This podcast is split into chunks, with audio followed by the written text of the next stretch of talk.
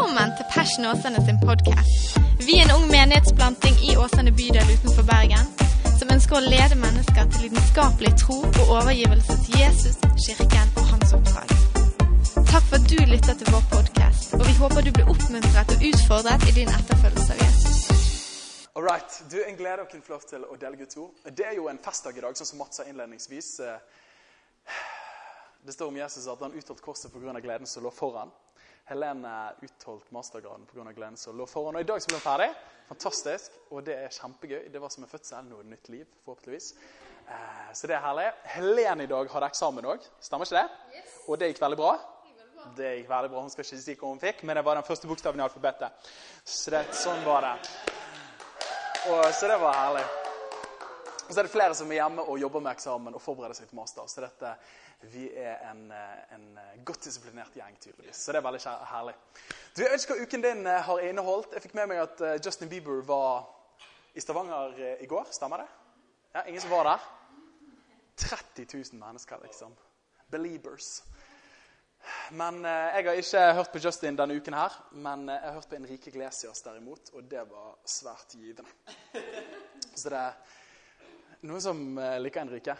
En liten sånn labb i været. Ja, ja, det er noen. Pappa, påkast. We don't judge you. Så det er herlig. Men eh, bra. Du, vi går, eh, vi går, rett til budskapet i dag. Jeg hadde tenkt å synge en rikestrofe til dere, men så tenkte jeg det gjør ikke jeg likevel. Så vi går rett til Bibelen, ja. Ida var fornøyd med det. All right. Du, Dere kan få lov til å være med meg til Lukas til fjerde kapittel hvis dere har med dere Bibelen deres.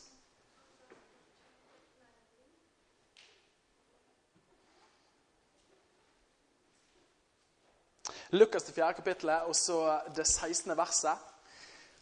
Og eh, Det er en fantastisk, det budskapet som jeg skal dele i dag.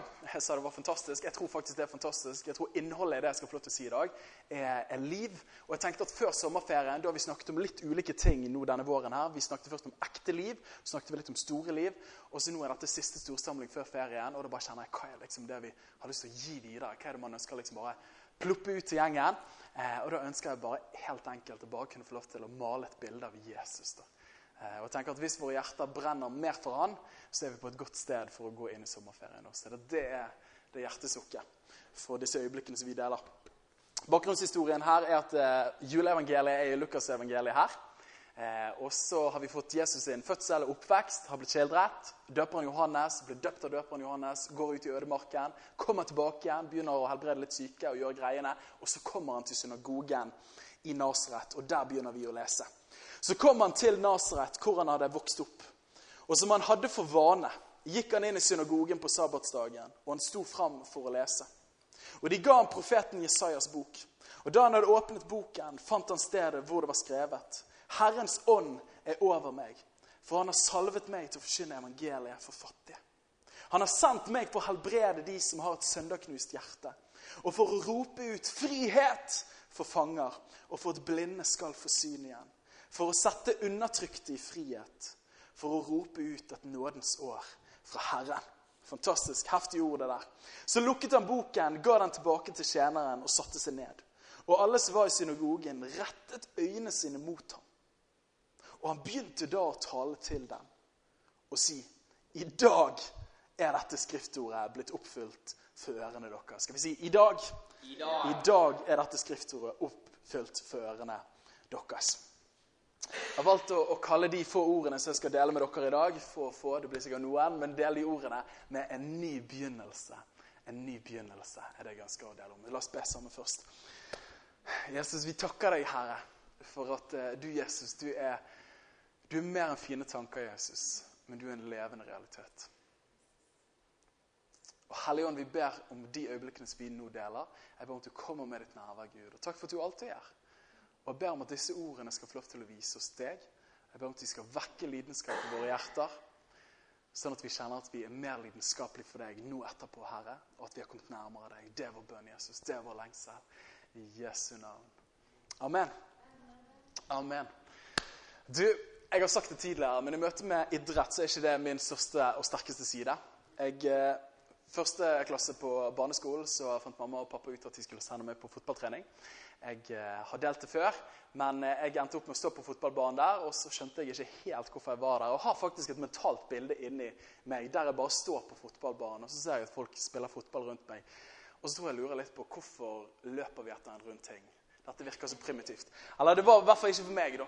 Og jeg tror mamma de fant ut fort at det ikke var for meg heller. Så dette, I løpet av barneskolen så har jo du i gymmen og sånne ting, så har jo man fotball.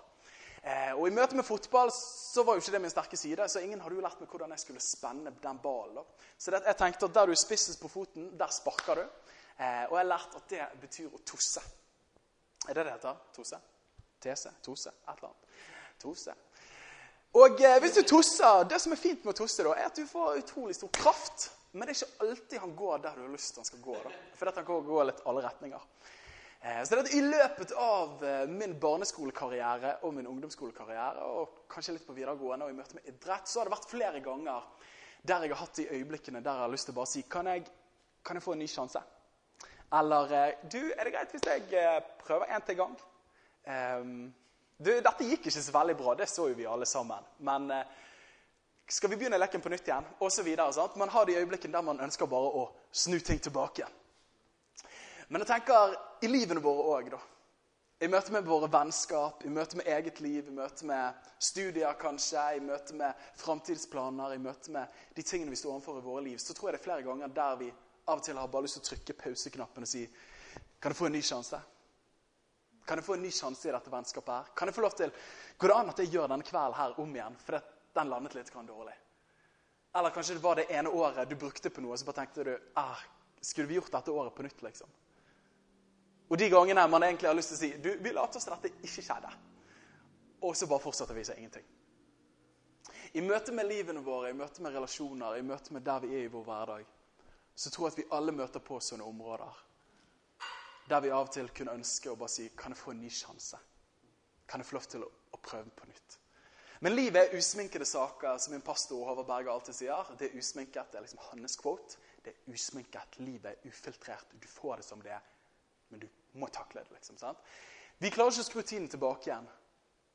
Men ofte er nettopp dette sukket i våre hjerter. Finnes det en ny begynnelse i livet? Finnes det en ny begynnelse i livet. Og akkurat denne teksten her som vi leste i dag, når Jesus begynner å snakke i synagogen i Nasret, så tror jeg at det gir oss et lite innblikk akkurat i dette spørsmålet her. Om hvor finnes de nye begynnelsene i livene våre. Og det syns jeg, synes er utrolig herlig, det Jesus begynner å gjøre der. For dette som er greien, er at det vi leste om i denne teksten her, kalles for ofte blant teologer så kaller det for Jesus' sin programerklæring. Det høres jo ut liksom, hva er, liksom, hva er pro programmet på TV i kveld? liksom? Det høres ut som det, at det er liksom kanalguiden. Men det var Jesus' sin programerklæring.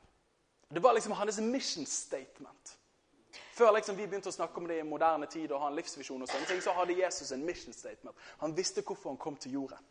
Og det var det han leser opp og sier i synagogen her i dag. Han sier 'derfor er jeg kommet'. Herrens ånd er over meg, for han har salvet meg til å forkynne evangeliet for de fattige. Og så fortsetter han videre. Men de ordene som han sa da, det var ikke ord som var vilt fremmed for de som satt i synagogen. Sånn som vi leste, så, så var jo de hentet fra Jesaja. Og Hvis du er litt bevandret i Bibelen, så har du kanskje fått med deg at Jesaja er kanskje den største profeten før i Det gamle testamentet. Og Han har i løpet av sine kapitler mange skildringer av den kommende frelseskongen. Messias. Og Når du leser ulike kapitler, så males det opp et bilde av Han. Og Her i Jesaja, i det 61. kapittelet, som han siterer, det er en av de fremste Messias-profetiene i hele Gamle testamentet. Så det at når han leser det opp, så var det velkjent for dem. For at Israel på denne tiden, det var én ting de lengtet etter, så var det frelseskongen. Det var Messias. Men det som er med de ordene fra Jesaja, det at det er ikke bare Jesaja disse ordene så klart, de står bare skrevet der, men de henspeiler på noe som skjedde enda tidligere. Og Det var når Moses og israelsfolket skulle inn i det lovede landet. Så kommer Gud til Moses og så taler han og gir han ulike forskrifter og ulike bud når de skulle innta det nye landet. Og Vi har alle Mosebøkene, som er liksom heftige bøker med ganske mange ord. og sånt. Men der er det snakk om i tredje Mosebok i det 25. kapittelet. Nå var ikke det kapittel på den tiden der, men liksom, vi vet hvor det er. hvert fall nå. Så kommer Gud til Moses og sier han at eh, hver syvende dag så skal dere holde sabbat. Men når dere kommer inn i det lovede landet, så skal hvert syvende år skal være et sabbatsår. Men hver gang det har vært syv sabbatsår, så skal det komme et år som heter jubelåret. The year of jubilee. Det høres bedre ut på engelsk. sant? Men jubelåret og Det som kjennetegner dette året, her, var at det skulle være et helt år med hvile. Men det skulle òg være et år der eiendom som du hadde eid, ble gitt tilbake til deg. Der gjeld som du hadde opparbeidet deg, skulle bli frisluppet. Og der du skulle bli gjenforent med din familie, og hvis du var slave, skulle du bli satt fri. Altså Det var med andre ord jubelåret. Det var jo et helt fantastisk år. Så dette var med meg på denne her. Jesus kommer i synagogen. Eller vi tar det motsatt vei. Moses, Gud sier til han, det skal være et jubelår hvert 50. år. Og Så kommer Jesaja, og så har han en profeti om den kommende frelseskongen. Og så henspeiler han på det jubelåret i den profetien. Og så kommer Jesus og tar Messias-profetien i Jesaja, og så leser han den opp. Og så konkluderer han med disse ordene her. Og vi leste det. Men hør på det her. Bare se for deg uttrykket og ansiktsuttrykket til disse folkene i Israel. Og så, så, så konkluderer En ting er at Jesus leser en bibeltekst. Det er liksom helt greit. Og så konkluderer han, og så sier han I dag, i dag, kjære venner Dere har hørt det før, men i dag er dette skriftsordet oppfylt. Jeg bare sier, De bare sier uh, What? Hva er det du snakker om, liksom? For han tar liksom bare de feiteste løftene i Det gamle testamentet som er pekt på Messias. Og så bare sier han People, today it's happening. It's me, JC, Jesus Christ. Sånn? Og hva tror du folket tenker da? Veldig godt spørsmål. Men Jesus sier med andre ord jeg er oppfyllelsen av disse profetiene. Det Gud sa til Moses, det som Jesaja gjenforteller, jeg er oppfyllelsen av det, og det er oppfylt i dag. Jeg syns det er heftig. Og hvis Jesus er denne frelseskongen som bringer inn dette jubelåret, hva innebærer dette faktisk for oss? Og det De siste ukene har jeg fått lov til å dykke litt inn i akkurat dette. her. Hva betyr dette jubelåret her? Og Det er ikke sånn hver gang du kommer på gudstjeneste, så sier jeg liksom, i dag skal vi ha om jubelåret. vet du. Halleluja. Sånn, det er ikke noe man har hørt veldig mye om, men jeg synes det er utrolig, et par utrolig spennende ting her som jeg tror kan få lov til å være med og oppmuntre vår tro, vår Jesusvandring, og få lov til å se hva vi allerede har i hånd. Er vi klar for det? Veldig bra. Det er tre ting jeg har lyst til å touche på. Og Den første jeg har lyst til å touche på, er at dette jubelåret her Det står i det 25. kapittelet og det 8. verset så står det om når jubelåret skal begynne. Heng med meg på dette. Her står det i 3. Mosebok. Du skal telle sju sabbatsår. 1, 2, 3, 4, 5, 6, 7. Sju ganger sju. Det teller vi ikke. Tiden for de sju sabbatsårene blir da 49 år. Så skal du la jubelbasun Kan vi alle sammen si jubelbasun? Jubel. Jubelbasun. Jeg har lyst på en sånn. Lyde på den tiende dagen i den sjuende måneden. På forsoningsdagen skal dere la basun lyde over hele landet deres. På forsoningsdagen skal dere la basun lyde over hele deres land. Og forsoningsdagen Her kommer litt sånn israelske høy, høytider og sånt, men de peker. De har ganske spesielle betydninger, ganske profetiske betydninger. Men forsoningsdagen var noe de feiret hvert eneste år i Israel på denne tiden. her. Det var i den syvende måneden og den tiende dagen så skulle basunen lyde. Det var jo litt sånn sjåfaren, ser jeg for meg. Når vi hadde forrige Passion guttesamling, så hadde vi sjåfarbattle med guttene. Runar, klarte deg, du klarte det bra. Så uh, han er litt grann ond, denne sjåføren jeg har hjemme. Men uh, den har gitt mye hygge. Forhåpentligvis Kanskje jeg skal ta med på neste storsamling Passion, og bare forløse jubelåret. Lurte på om jeg skulle ta det her i dag. Ok, dette blir merkelig. Men, uh, men i hvert fall en gang i året så hadde de det som ble kalt forsoningsdagen. Og I dag så oversettes det til Jom kipur. Har dere hørt om det? Det feirer de. Det er den største høytiden i den jødiske kalenderen. Og denne dagen her var helt tilbake på den tiden den største høytiden i deres gudstjenesteliv. Og Det som skjedde denne dagen, her var at de skulle ta ut to bukker fra folket. Og Så skulle de komme til øverstepresten med den, og så ville øverstepresten legge hendene sine på den ene bukken. Og så symbol så ville han overføre alle syndene fra folket til den ene bukken. Og så ville han sende den ut i ødemarken.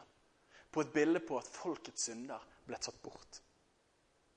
Mens den andre bukken den ville de ta og slakte. Høres litt grotesk ut.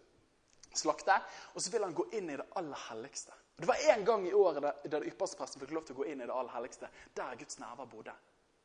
Og Så gikk han inn der med blodet, og så skulle han stenke det på nådestolen, som er på toppen av paktsarken, og på hornet på alteret, for å gjøre soning for folkets synder. Så denne forsoningsdagen her var den høy, mest høytidelige dagen. Og Det var dagen som symboliserte at folket hadde synd, og de var på avstand fra Gud, og de trengte forsoning for sine misgjerninger.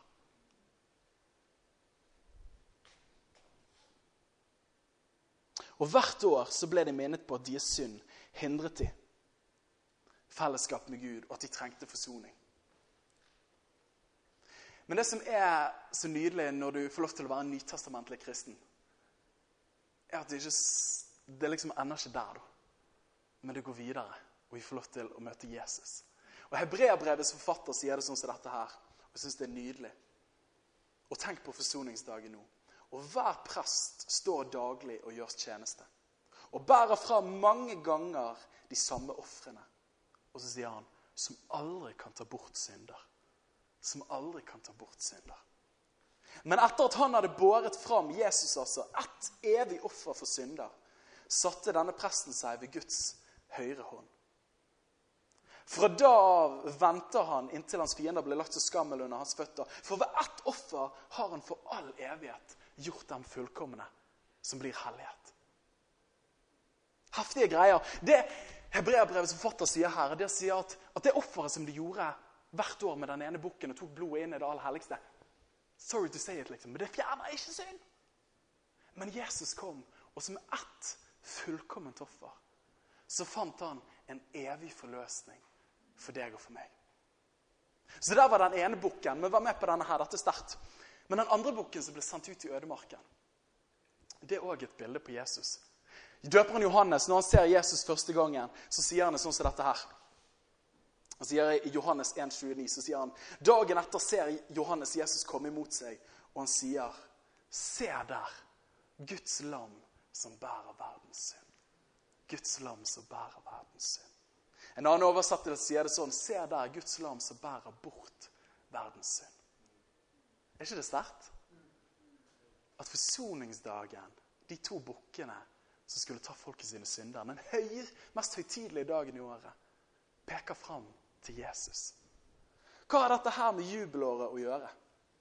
Jo, nemlig dette her at Jesus er vårt eneste og evige soneforlam for alltid.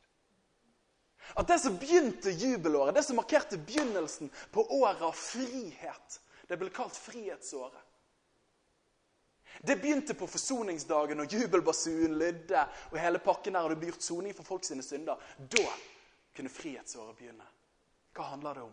Jo, den dagen Jesus gikk opp på korset, den dagen han tok våre synder på seg, den dagen han fant en evig forløsning.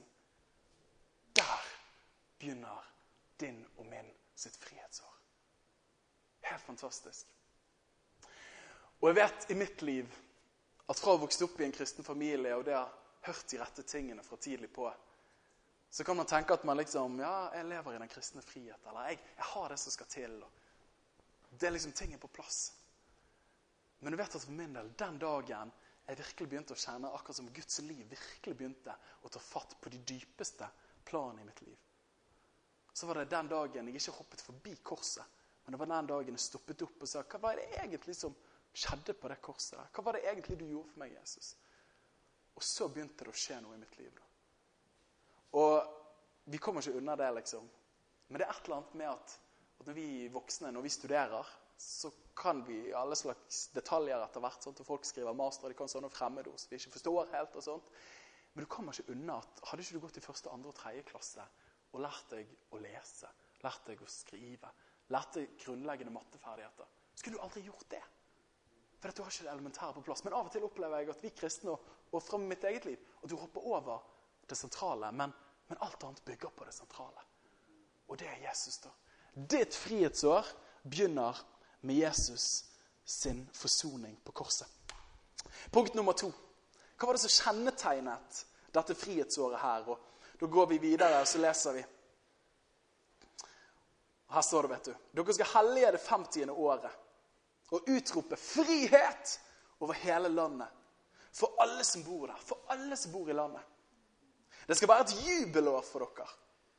Enhver av dere skal få vende tilbake til sin eiendom, og enhver av dere skal få vende tilbake til sin slekt. Frihetsåret, dette jubelåret her, hva innebar det for folk? Jo, det innebar frihet, dypest sett, for folket. At frihet er alltid en frukt av forsoning. Det begynner med forsoning, men forsoning leder alltid til frihet. Tenk på den. Forsoning leder alltid til frihet.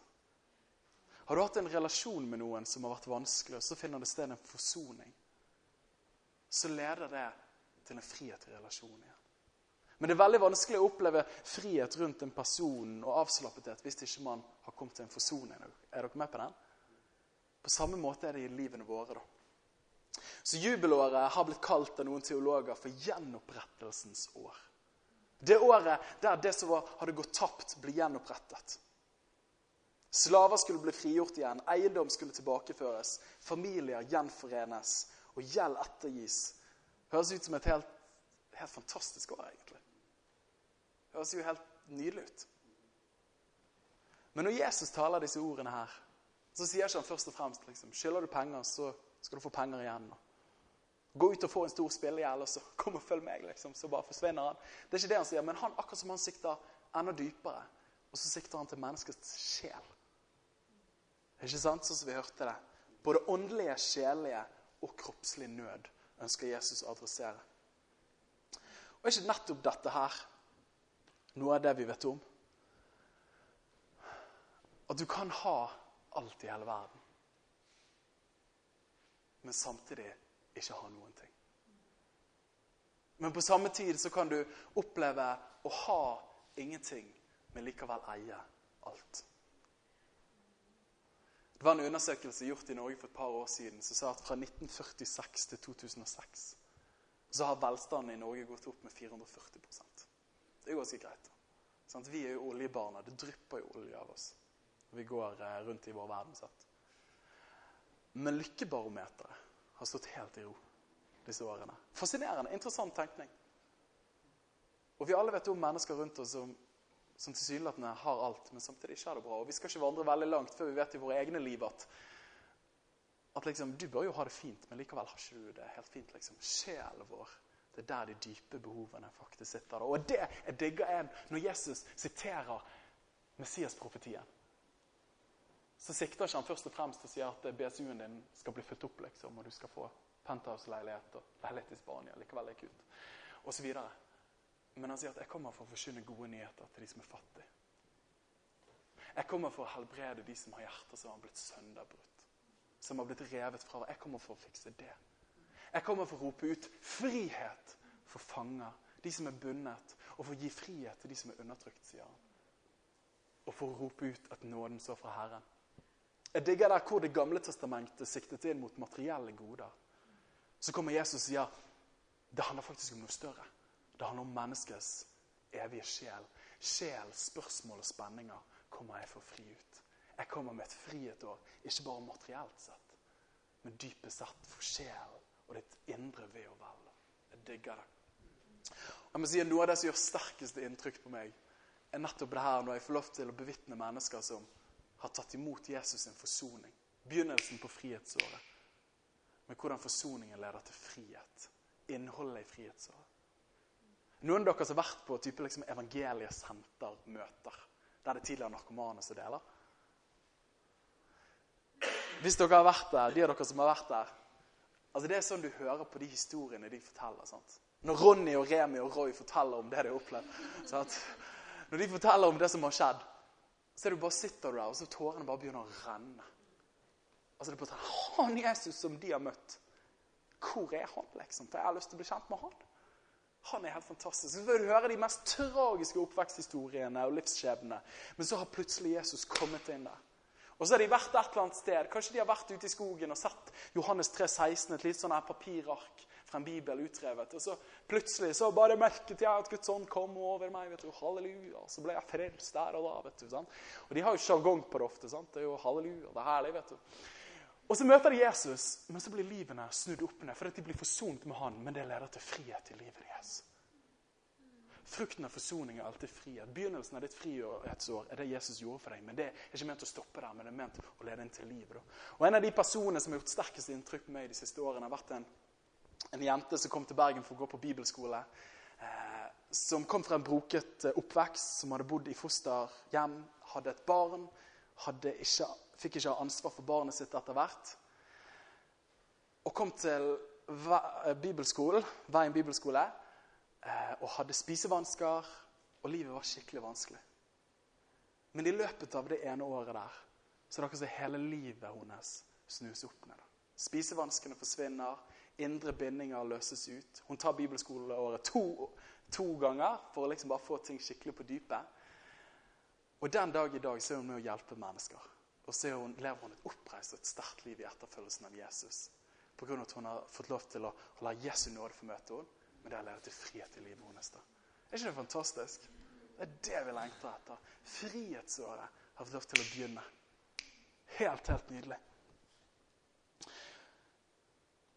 Og Når Jesus snakker om frelse Dette er bare sånn en kort parentes, men når Jesus snakker om frelse i, i Nytestamentet, så bruker han et, han bruker ikke et gresk ord, for han snakker jo arameisk. så han sa sikkert et eller annet der. Skal ikke prøve å gjenfortelle. Men når de oversetter det på gresk, så bruker de ordet so-so.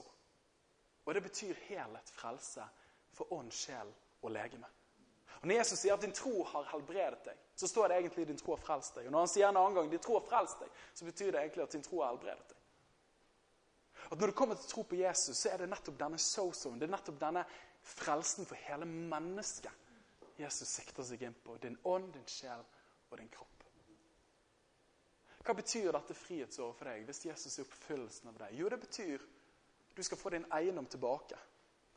Det betyr ikke først og fremst liksom at eh, du skal tilbake i Indre Sogn og få tilbake liksom, det oldefaren din eide der. Liksom. Det hadde sikkert vært fint, men det er ikke sikkert det hadde vært så kult. Så jeg vil ikke tilbake til Flaktveit, likevel vi bodde der før. Jeg trives eh, her. Men det betyr kanskje det at den eiendommen, det livet som Gud egentlig hadde for deg når han skapte deg til å begynne med En eiendom, et liv fullt av fred, fullt av frihet, fullt av liv.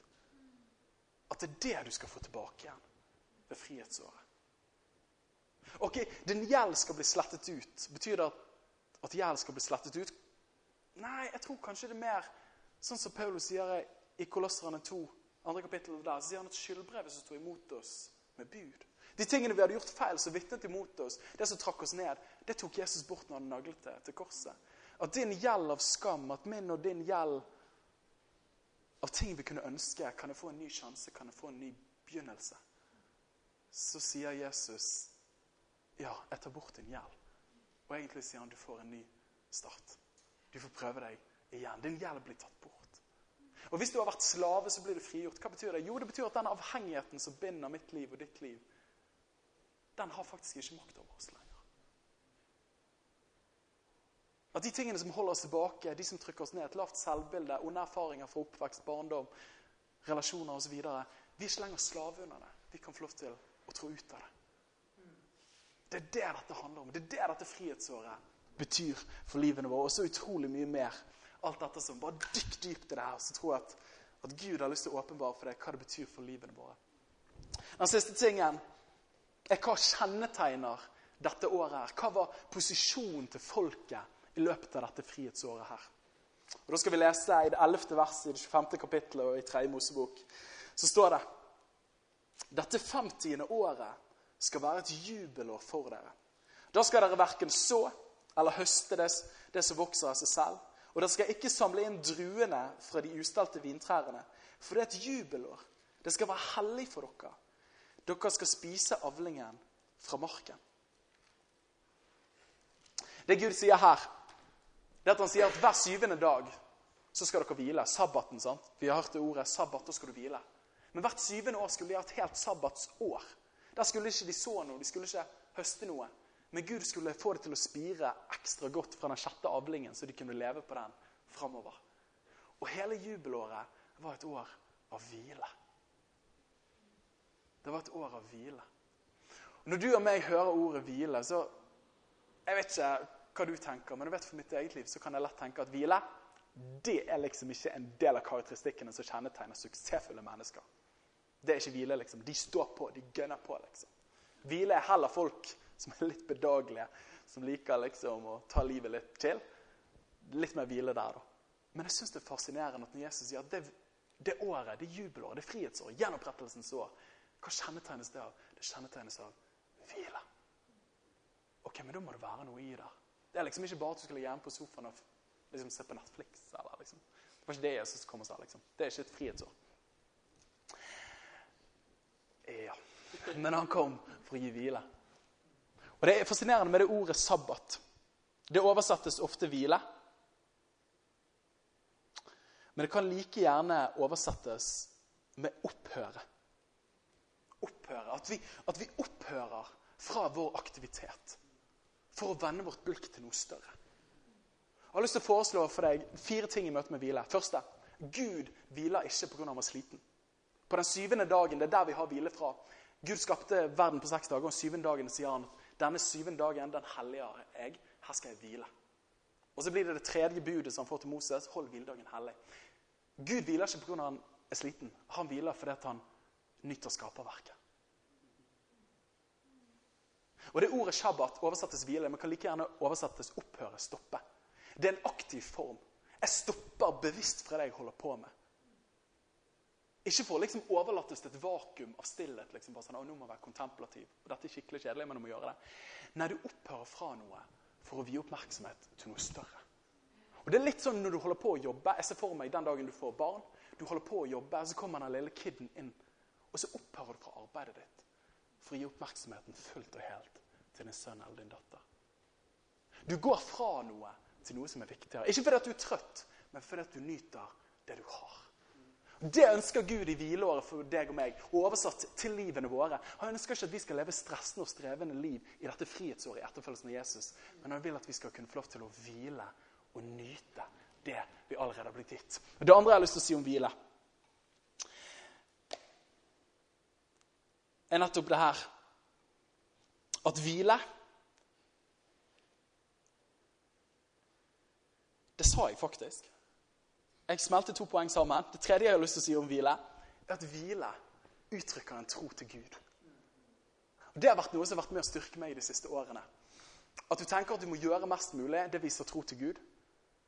Men faktisk, hvile er det fremste uttrykket for tro i livene våre. Hvile er det fremste uttrykket for tro. Les Salme 127. Der står det at hvis ikke Herren bygger byen, så bygger bygningsmennene forgjeves. Hvis ikke Herren vokter byen, så vokter bygningsmennene forgjeves. For det samme gir han sin elskede mens han sover. Hva handler det om? Jo, det handler om at mens jeg hviler, så bygger Gud, så vokter Gud. Hvile er det fremste uttrykket for tro. For Gud er den handlende objekt, og ikke meg sjøl. Så frihetsåret handler om at vi hviler fordi vi tror at Gud er den som bærer oss. Han bærer våre liv. Han bærer det vi tar oss fore. Og det tredje jeg har lyst til å si om hvile, er at Gud hvilte når han var ferdig med sitt arbeid. Gud hvilte når han var ferdig. Og hva handler dette om da inn mot dette frihetsåret, dette jubelåret? Jo, Gud inviterer deg og meg til å hvile for dette er ferdig. At vi trenger ikke å legge til noen ting. sant? Vi trenger ikke å gjøre noe. Jesus har gjort alt. Og Jeg digger det når Jesus sier det er fullbrakt. På engelsk er det it, it is finished. Det er ferdig. Dine prestasjoner er ferdig. Det er egentlig det Jesus sier. Dine sammentrekninger de er ferdig. Din kamp om å få det til sjøl er ferdig. Din kamp om å så og høste og ha nok til livet. Har jeg nok så jeg klarer meg? Er jeg flink nok? Er jeg sterk nok? Det er ferdig. Kom ta imot av meg. Dette er nådeåret. Dette er den livsstil som du og meg inviteres inn i. Og For å være litt eh, norsk her med dere, skal jeg skåre litt norsk poeng her. Dere som har hørt sangen 'De nære ting'? De nære ting. Jeg skal ikke prøve å synge den. Kanskje melodien. Men hør på dette. Du syns dine dager er usle og grå. Hva er det du søker? Hva er det du venter på? Når aldri du unner deg rast eller ro, kan ingenting vokse og intet gro. Det er fint, det. Men det er noe med det der. Jeg tror at noe av det mest fruktbare du og meg kan gjøre i våre liv, ofte, er å hvile. For da får de tingene som Gud har sådd ned, rom til å vokse. Så den tredje tingen hvile. Og hvile er ikke noe passivt, men der vi tar et aktivt brekk fra våre bestrebelser og retter vårt blikk mot Guds bevegelser. Det er det hvile handler om. Så hvor kan jeg finne en ny begynnelse? Som vi stiller i våre liv. Hvor finner jeg en ny begynnelse? Ulike relasjoner, ulike situasjoner i livet, ulike opplevelser, sesonger. Hvor kan jeg finne en ny begynnelse? Jeg trenger en ny sjanse. Jeg trenger å få prøve meg på nytt. Går det an å glemme dette? Kan vi begynne med hvite ark igjen? Og så videre. Ja. Det er nettopp det Jesus kommer for å si til en hel menneskehet. Han kommer og sier at vet du hva, med meg så kommer det en ny begynnelse. Med meg så kommer frihetsåret. Med meg så kommer jubelåret. Gjenopprettelsens år. Og Det er fascinerende at det påbudet Gud ga til Moses I løpet av hele Bibelen så finner ikke du én bevitning om at det ble overholdt av jødefolket noen gang. Fascinerende. Men jeg tror det var bevisst, for jeg tror Gud pekte fram til frelseskongen Jesus. Altså at Det har ikke blitt gjennomført, for det kan ikke virkelig gjennomføres av mennesker. Men Jesus kom med det virkelige frihetsåret. Så ikke bare var materielle goder, men så var den dype, dypeste, nemlig sjels ve og vel og åndelige liv. Det er det Jesus kom med. Og helt til kort til slutt her, så stopper Jesus og sier han at 'jeg kommer for å rope ut et nådens år'. Men er du klar over at når Isaiah forteller det her, så stopper ikke han der, men han fortsetter å si at nåden står fra Herren' og en hevns dag fra vår Gud'. Men Jesus stopper med nådens år. Jeg syns det er helt nydelig. For hva sier det oss? Jo, det sier oss at den tid du og meg lever i nå, det er nådens tid. Og nåde betyr ufortjent godhet. Vi lever i en tid av ufortjent godhet. Jesus er ikke her for å dømme, Jesus er ikke her for å plukke, han er ikke her for å rakke folk ned. Han er her for å kalle dem til seg. Og så kommer det en dag for dom. Og det kommer til å bli en herlig dag. Der Gud skal dømme sykdom, synd og nød osv. Men den tiden vi lever i nå, er nådens tid, der Jesus bare inviterer alle til å komme. Og så kan det være at du tenker sånn som jeg har tenkt på, sånn, nådens år er det liksom 365 dager. Jeg fikk vite dette i dag, liksom, så da har jeg 364 dager på meg liksom, til å nyte dette nådens år. Nei, det er ikke det det handler om. Det er en sesong, det er en tid, det er en tidsalder. Det er der vi er nå. Vi lever i nådens tid. Vi lever i jubelåret hele tiden. Og det er her jeg har lyst til å oppmuntre oss innenfor denne sommerferien her.